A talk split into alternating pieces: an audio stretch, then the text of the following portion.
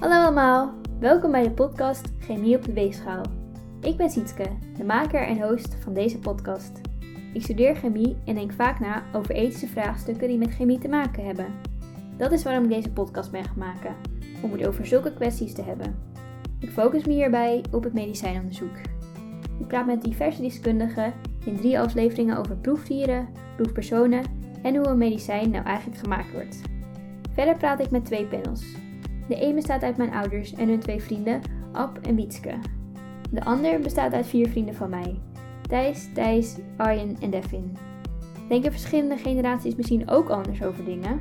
Ik hoop dat deze podcast jullie ook aan het nadenken kan zetten en dat jullie er wat van kunnen leren. Heel veel luisterplezier!